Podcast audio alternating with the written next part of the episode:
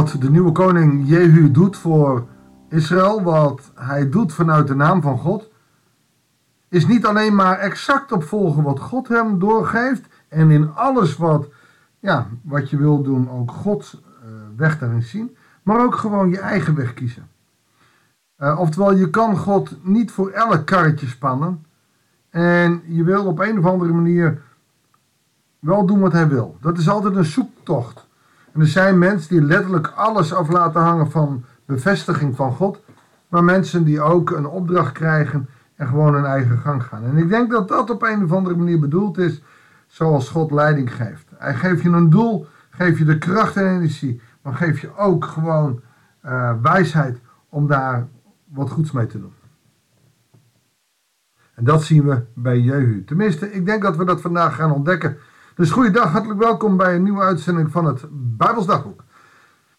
Zijn 2 Koningen 9, vers 14 tot en met 29. 2 Koningen 9, vers 14.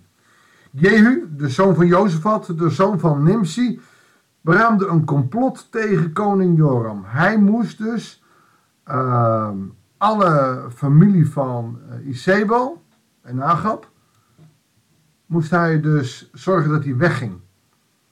Dat dat eindigde. Omdat dat geslacht een slecht geslacht was. God heeft niet gezegd hoe hij dat moest doen. Soms doet God dat.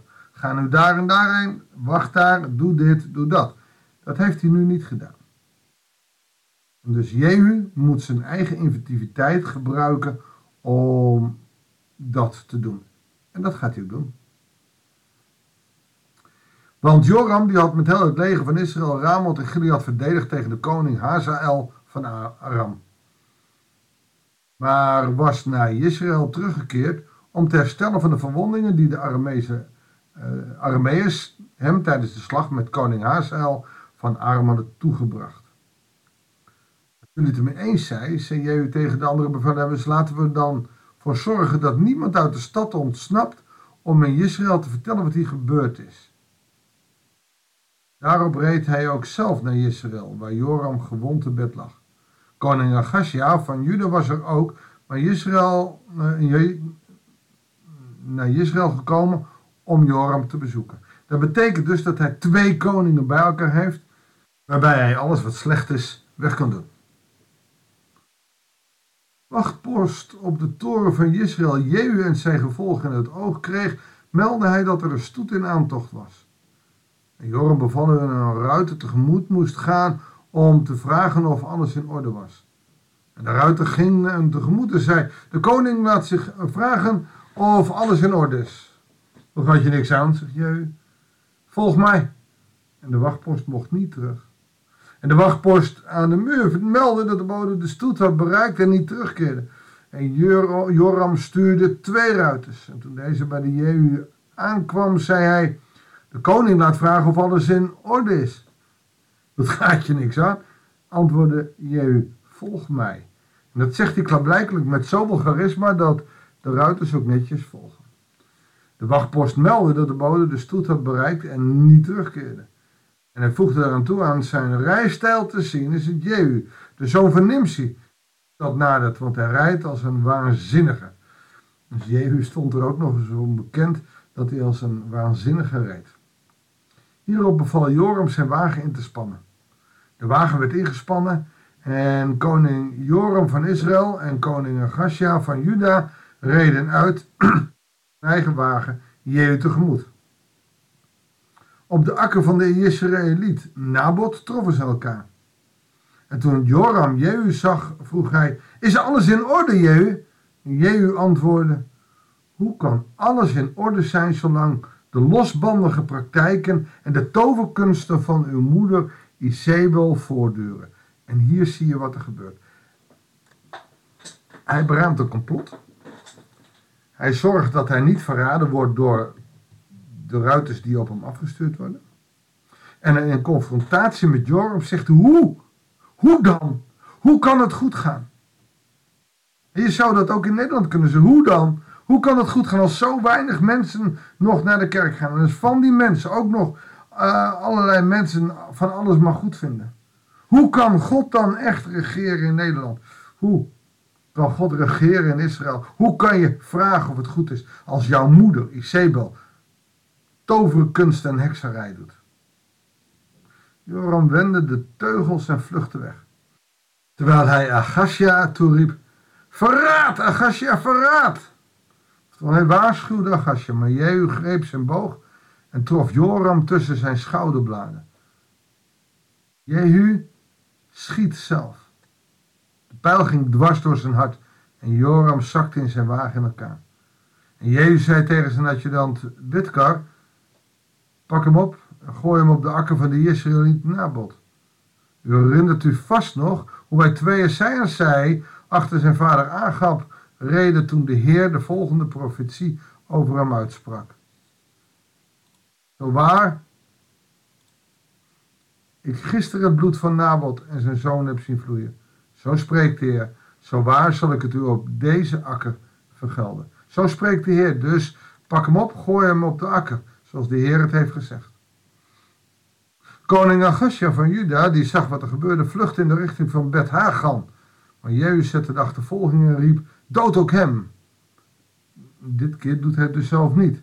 Agasja werd getroffen terwijl hij in zijn wagen de pas van Gur bij Jibleam, opreed. Hij wist te ontkomen naar Megiddo en is daar gestorven. En dienaren brachten zijn lichaam op een wagen naar Jeruzalem, waar zijn begroeven bij zijn voorouders in de Davidsburg. Je ziet dus over Agasja geen vloek uitgesproken. Over de opvolgers van Agab wel. Zij die daar, die arme man, Nabot, hebben bedrogen. Dat heeft zijn vader gedaan. Daarin is Nabot gewroken. Doordat het bloed van zijn vijanden zou vloeien op de akker die hem afgenomen is. Agasja was koning van Juda geworden in het elfde regeringsjaar van Joram, de zoon van Agab. Zo zie je dat de grote opruiming van het kwaad is gebeurd. Dat kunnen we erg vinden. Hoe Jehu dus een pijl van achteraf dwars door het hart schiet. Maar je moet goed onthouden dat deze twee koningen, Joram en Agasja, uh, slechte koningen waren. Die alles deden wat God verboden had. Alles ging om hun eigen ik en niet om God. Ze waren slechte leiders. Het ging ten koste van anderen. En dat wil God weg hebben. Wij hoeven in ons leven niet zozeer en niet zo nodig uh, met pijl en boog het kwaad te weren. En toch moeten we het kwaad weren.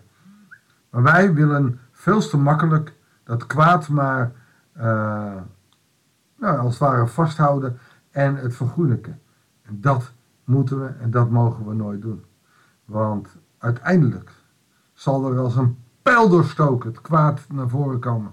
En we zullen erop afgerekend worden. Dan kun je maar beter zelf het kwaad afdoen. Dat scheelt je een hoop ellende. Zo zijn we bidden, Heere God, wil onze ogen openen. Als wij onszelf en het kwaad eerder volgen dan uw liefde, dan uw genade. Heer, wilt u ons helpen om het goede te doen en het kwade te laten? Wilt u ons helpen om u te volgen, uw wil te zoeken? Opdat er over ons geen vloek wordt uitgesproken, opdat er over ons geen kwaad wordt gesproken. Zegen ons. Dat wij ook een lichtend voorbeeld mogen zijn en dat u van ons kan zeggen: Hij deed, zij deed wat goed was in de ogen des Heren. En dat betekent niet dat we alles perfect doen, Heere God, we zijn zondaren. En toch, als we ons best doen, kunnen we u daarmee loven en eren. Dank u wel voor wie u bent, dank u wel voor uw zegeningen en voor uw genade. Heer, we loven en prijzen uw grote naam. Van nu aan tot in eeuwigheid. Amen. Nou, die eeuwigheid duurt nog even voor ons mensen, maar we mogen zo stapje voor stapje dichterbij komen en proberen het goede te doen. Probeer die pijl van achteren niet in je lichaam te krijgen door nu al gewoon eerlijk en open te blijven, te doen wat God van je wil. Zoek zijn wil, opdat je gezegend wordt in die zoektocht. Ik wens je een goede dag en graag tot de volgende uitzending van het Bijbelsdagboek.